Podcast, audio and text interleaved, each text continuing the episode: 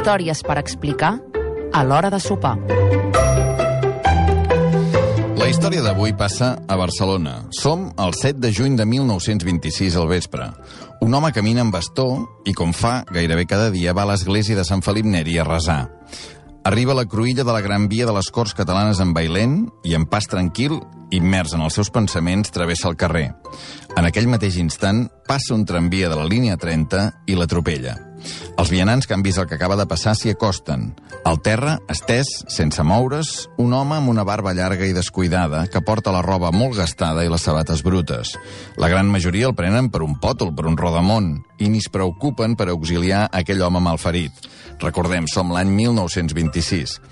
Tot i així, hi ha dues persones que prenen la iniciativa i intenten aconseguir un taxi per portar l'home a un hospital. N'aturen quatre i cap d'ells en vol saber res quan veu un home amb tan mal aspecte i tacat de sang. És un guàrdia civil que acaba d'arribar al lloc qui imposa la seva autoritat i obliga un taxista a portar-lo. A ell i a l'home malferit. Pensa que així potser li faran més cas. Van a la casa de socors de la Ronda de Sant Pere. Allà el veuen tan greu que l'envien de seguida a l'Hospital de la Santa Creu, al Raval. Té un cop fort al cap, tres costelles trencades i una important hemorràgia interna. Però qui és aquest home que ara està estirat, inconscient al llit número 19 de la sala de traumatismes?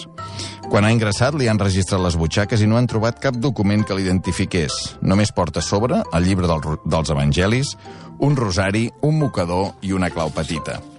El metge de guàrdia es fixa ben al rostre de l'home. Es pensa que l'ha reconegut però no en pot estar del tot segur. Les seves sospites es confirmen el dia següent quan aconsegueixen localitzar mossèn Gil Parés, el capellà de la Sagrada Família. L'home que tenen al davant és l'arquitecte Antoni Gaudí.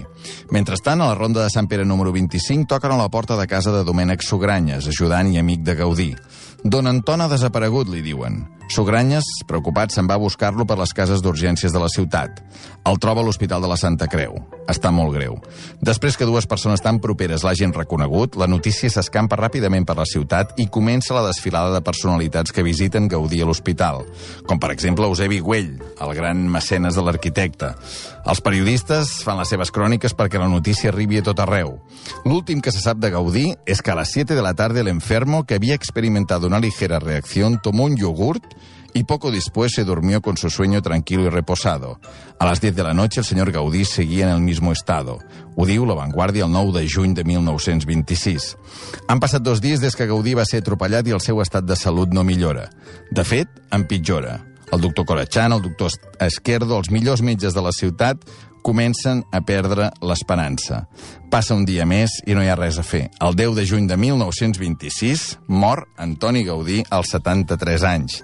El seu fèretre recorre la ciutat en un, carruatge, en un carruatge fúnebre. Milers de persones diuen adeu a l'arquitecte abans que la comitiva arribi a la cripta de la Sagrada Família. L'enterraran a la seva obra més brillant, a la que s'ha dedicat en cos i ànima durant els últims anys de la seva vida. I inverteix tots els diners que té, demana el, demana per pagar-ne la construcció i ni tan sols es permet comprar-se roba nova. Gaudí només veu acabada la façana del naixement i la cripta. Al 1926, la construcció de la Sagrada Família queda en mans del seu ajudant, de Domènec Sogranyes. Sis arquitectes més n'agafaran el relleu. I si tot va bé, el 2026 el temple estarà acabat, 100 anys justos després de la mort de Gaudí. Històries per explicar a l'hora de sopar.